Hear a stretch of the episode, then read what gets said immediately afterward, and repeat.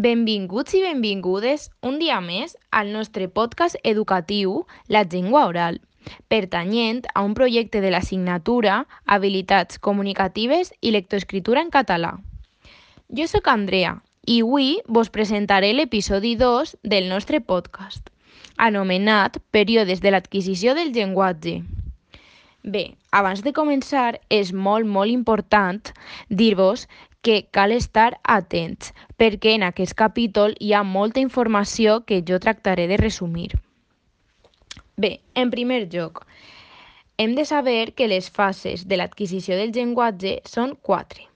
La primera és l'etapa prelingüística, que correspon al primer any de vida de l'infant i es caracteritza per una gran activitat tant social com comunicativa on les situacions socials es troben restringides i sistematitzades.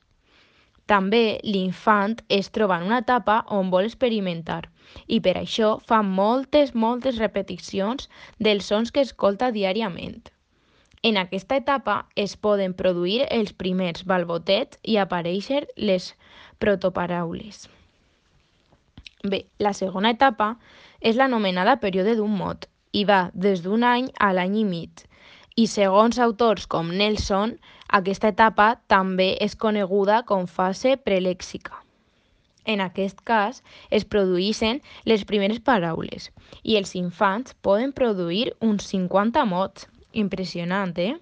Malgrat això, la comprensió del llenguatge encara es troba un poquet descontextualitzada. A la tercera fase és on es produeixen les primeres combinacions de mots i va des dels 18 mesos fins al 20, als 24, és a dir, més o menys des d'un any i mig fins a dos anys. Aquesta fase també és denominada fase d'explosió lèxica i d'ara endavant es produirà un gran augment de les paraules que utilitza l'infant. I més o menys en assolir 50 o 100 eh, paraules ja començaran a combinar mots. A més a més, també utilitzaran la tercera persona i alguns marcadors morfològics i sintàctics, com però. Bé, ja hem arribat a l'última etapa. Aquesta és a partir del, dels 3 anys i és denominada fase semàntica, on els infants ja fan frases simples i a vegades alguna composta, però molt senzilleta.